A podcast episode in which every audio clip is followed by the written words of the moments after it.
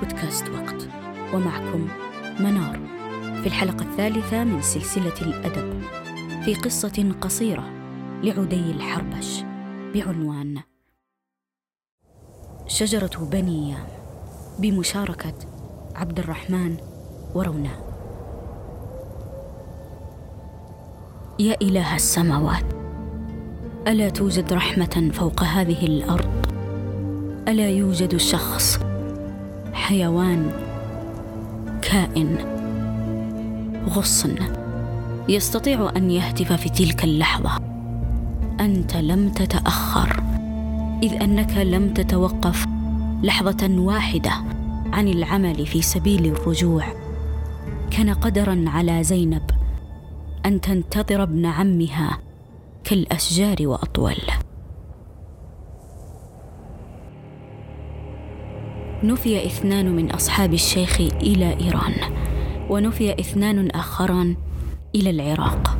أما عواد فلقد وضع في سفينة واحدة مع الشيخ كي يتجهوا بهما نحو الباب العالي في إسطنبول. حاول عواد أن يغافل الأتراك أكثر من مرة وكاد إحدى المرات أن ينجح في إلقاء نفسه في البحر. لولا أن رصاصة هائجة أدركته لتنغرز في عضلة ساقه وتسقطه ارضا. وصلت السفينة بعد عشرين يوما إلى إسطنبول وحبس عواد والشيخ ركان في زنزانة واحدة في إحدى القلاع الواقعة جنوب إسطنبول. في اليوم الثاني من وصول عواد للسجن عمل كمينا للسجان وانقض عليه وشج رأسه ونزع منه سلسلة المفاتيح وانطلق وهو يعرج بساقه الجريحه ولكن باقي الحراس استطاعوا أن يمسكوا به قبل أن يصل إلى البوابة الرئيسية. لكن من حسن طالع عواد والشيخ ركان أن الحارس الجديد الذي أوكلت إليه مهمة حراستهما بعد أن سرح الأول سمح الطباع. ولين العريكة وكان يحسن العربية بعض الشيء. كان اسمه حمزة. وسرعان ما توطدت علاقة صداقة بين الشيخ ركان وحارس السجن حمزة إلى درجة أنه كان ينضم إليهما أحيانا داخل السجن كي يصلي الفريضة خلف الشيخ. كان الشيخ يستقبله كل صباح بوجه بشوش حين يلج الزنزانة ومعه الطعام. ويسأله عن زوجته وأبنائه ويقدم له النصائح ويستمع إليه حين يشكو بعكس عواد الذي كان نادرا ما يتجاذب أطراف الحديث مع السجان. في إحدى الأيام بعد انقضاء خمسة أشهر على سجن الشيخ ركان وعواد. دخل حمزة متهلل الأسارير وهو يمسك بيدين مرتجفتين بمرسوم أصفر. همس حمزة مخاطبا الشيخ ركان بصوت بالكاد يسمع. كنت أتصفح وثيقة حبسكما واكتشفت أن كاتبها قام بخطأ أسلوبي. يوهم من يقرأها أن الرجل الذي قتل الجندي العثماني في سنجق الأحساء. هو أنت يا شيخ. أعني أن كل من يقرأ الصحيفة سيتوهم أن من يقطن السجن واحد لا اثنان. هل تعي ماذا يعني ذلك يا شيخ محمد ركان؟ هذا يعني أنني أستطيع تهريبك من السجن وإعادتك إلى ديارك دون أن ينتبه أحد. سيخالون أن صاحبك الشاب هو أنت. ذلك ألا أحد يعرفك برسمك وشكلك سواي. قفز الشيخ ركان على قدميه وهو لا يصدق ما يسمع. أمسك بالصحيفة محاولا قراءتها رغم جهله اللغة التركية. طلب من حمزة أن يعيد شرح ما قال. وضح الأخير أن بإمكانه أن يهربه من السجن هذه الليلة قبل أن ينتبه أحدهم إلى هذا الخطأ. قال للشيخ أنه سيأتيه بهندام وملابس تركية ليلبسها ويخرج وإياه في نهاية نوبته الليلة حيث سيعبر به مضيق البسفور ويهبه فرسا توصله إلى حيث يشاء. كل ذلك على أن يبقى عواد في السجن.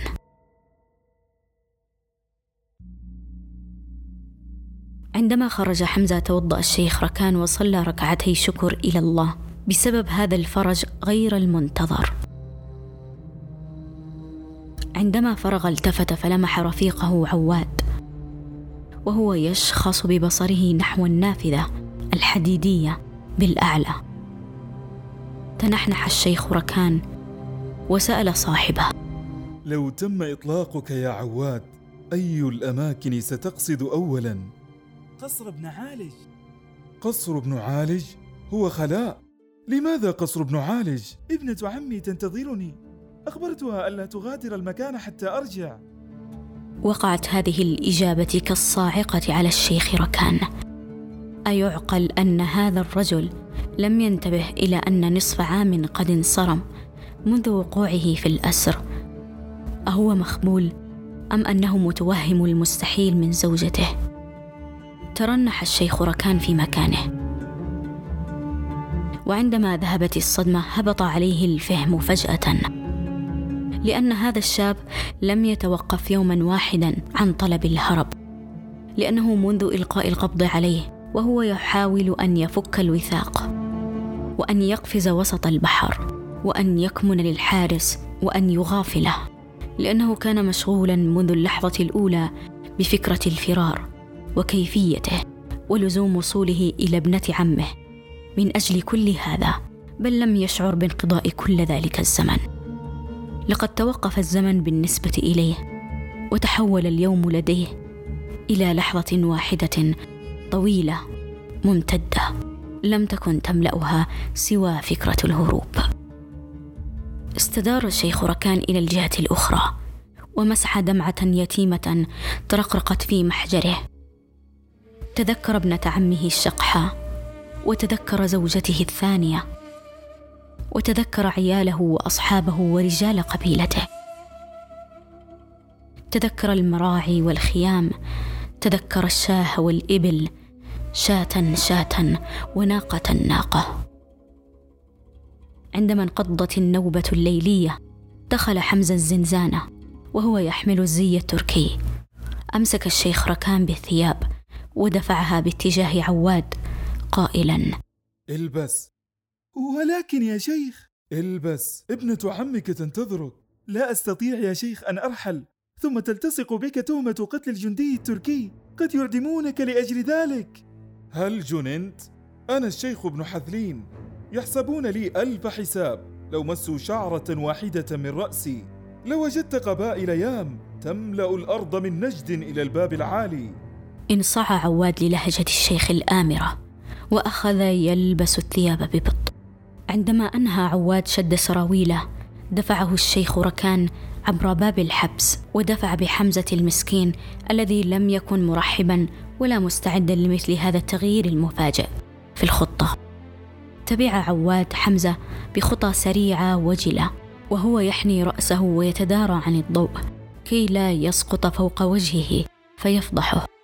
عندما خرجا من القلعة اتجه حمزة بعواد إلى الشرق وعبر به مضيق البسفور وهناك منحه نقودا وجوادا ودعا له بالتوفيق. من تركيا انحدر عواد إلى سوريا ومن سوريا إلى العراق ثم إلى الصمان. ومن الصمان إلى قصر ابن عالج. انطلق عواد بجواده ينهب الطريق باتجاه سنجق الأحساء.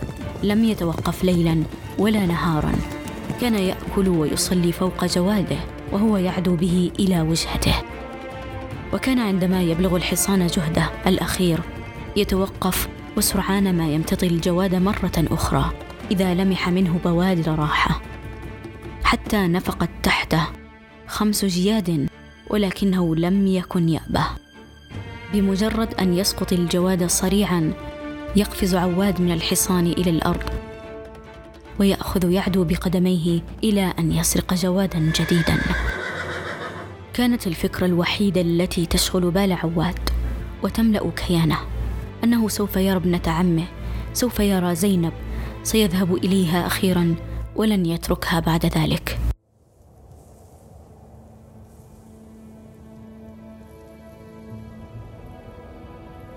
بعد انقضاء ما يقارب الشهر. وصل عواد إلى قصر ابن عالج وسقط آخر جواد تحته. وقفز عواد وجرى متوجها صوب الغدير المكان الذي ترك فيه ابنة عمه. عندما وصل وجد أمامه شجرة السدر لم تكن موجودة عندما ترك ابنة عمه قبل سبعة أشهر.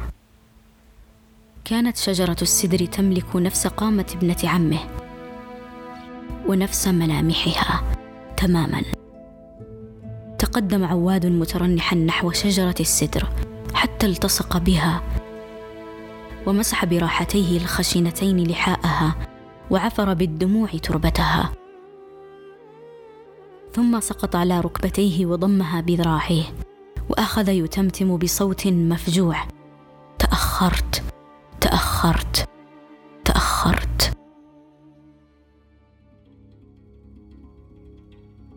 يا إله السماوات ألا توجد رحمة فوق هذه الأرض؟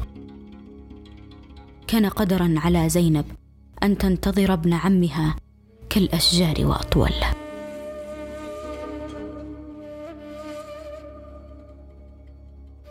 عندما عدا عواد بفرسه لمنزل المري ترجلت زينب عن راحلتها وأناخت الناقة قرب الغدير وتوضأت من مئة ثم صلت الظهر. والعصر جمعا. وعندما فرغت من صلاتها تناولت بعض حبات الرطب وأتبعتهن بنغبات من ماء القربة.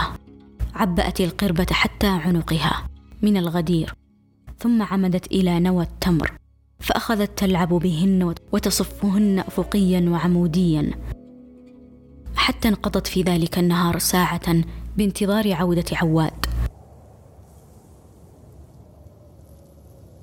نهضت من موضعها وأخذت تتطلع باتجاه الأفق. لا روح ولا أثر على مد البصر. رجعت إلى راحلتها وأخذت تمسح فوق رقبتها الطويلة وتلاعبها عندما أحست بالتعب. تربعت وأسندت ظهرها فوق الناقة وأخذت تتغنى ببعض الأبيات التي تحفظها عن جدتها. عن شعراء وفرسان يام. عندما غربت شمس ذلك النهار وأطبق ليلة دون أن يعود عواد فكرت زينب ماذا تصنع وسط هذه البرية وحدها؟ لو أنها رجعت إلى بلدة العيون لكان أكثر أمنا لها.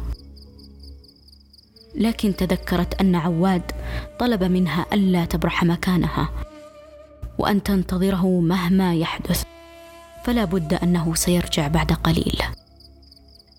فقامت وتوضأت مرة ثانية وصلت المغرب والعشاء. وبعد أن فرغت أخذت تصلي وتبتهل. ازدادت ظلمة البرية وعتمتها بينما انحنت الناقة برقبتها وأغمضت عينيها فاستلقت زينب بجانب ناقتها وتدثرت بعباءتها وحاولت أن تنام فلم يسبق لها أن نامت في العراء من قبل. أخذت تصغي بانتباه إلى كل نبهة وحركة وهي تشد بيدها على خنجر. وبعد انقضاء الشطر الأكبر من الليل غمر التعب زينب وغلبها فأسلمت إلى النوم. عندما أفاقت كانت الشمس تنشر أشعتها الأولى إبان الفجر. عمدت زينب إلى الغدير فاغتسلت وأدت فرضها ثم أمسكت الناقة. وأخذت ترعى بها في مواضع الكلأ دون أن تبتعد كثيرا عن المكان الذي طلب منها ابن عمها أن تنتظره فيه. عندما انقضى نصف النهار أحست بالجوع فأخرجت الزاد وأصابت بعضا من طعام. توقفت طويلا وهي تنظر إلى الأفق منتظرة رجوع زوجها وعندما أطبق الليل عمدت إلى ناقتها ونامت تحت ذراها. مر أسبوع حتى نفذ الزاد وعمدت زينب إلى بقل وأعشاب الصحراء فأخذت تمضغها كي تسكت حر معدتها. وعندما نفذ العشب أمسكت خطام ناقتها وأخذت تلاعبها ثم سحبت الخنجر من تحت كمها وقامت بنحرها سلخت جلدها وأوقدت النار ثم أصابت بعضا من لحمها وهي تتمنى من كل جوارحها أن يعود عواد قبل أن يفسد لحم الناقة. عندما طال الانتظار بزينب أخذت الهواجس تطاردها وتقذف بها كل مطرح. ماذا لو أن عوادا تركها بلا رجعة؟ ماذا لو أنه مسحور أو أن امرأة أخرى فتنته؟ لكنها تعودت من الشيطان وبصقت عن شمالها وحدثت نفسها أن عواد سيرجع. فلقد قال ذلك لها وهي لم تعتد منه الكذب.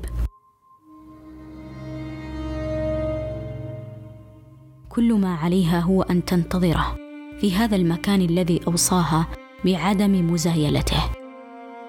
وظلت زينب مكانها لا تبرح تنتظر كما تنتظر الأعشاب والأشجار. قدوم المطر. ولكن من قال أن الحياة تنتهي بانعدام الجسد الإنساني؟ من قال أن الأشجار لا تصغي ولا تفهم؟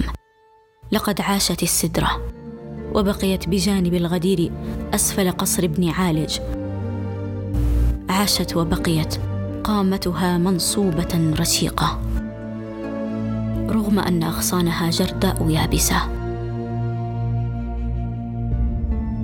عاشت السدرة لترى ابن عم زينب يموت ويدفن أسفلها في الجهة الغربية منها.